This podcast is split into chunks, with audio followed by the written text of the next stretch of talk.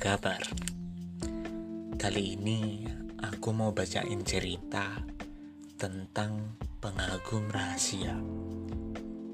Sebelumnya, terima kasih buat seseorang yang udah mau berbagi ceritanya. Semoga kamu denger dan gak ngecewain ya. Selamat mendengarkan.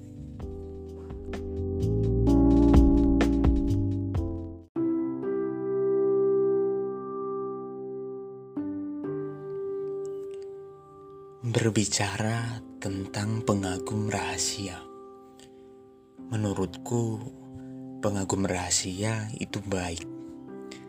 Karena aku dulu adalah seorang pengagum rahasia. Mungkin orang lain bilang jika pengagum rahasia adalah seorang pengecut. Tapi menurutku tidak. Mereka bukan pengecut. Justru mereka adalah orang yang benar-benar tulus mencintai si doi.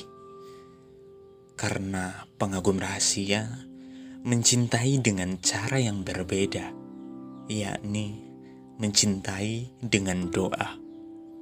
Istilah zaman sekarang, kupepet kau dengan bismillah di sepertiga malam.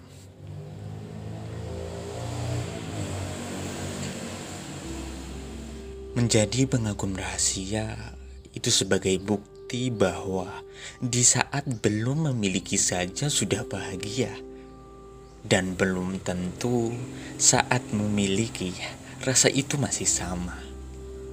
Nikmatilah sebaik mungkin karena di masa depan kita akan menertawakan apa-apa yang lucu di masa lalu.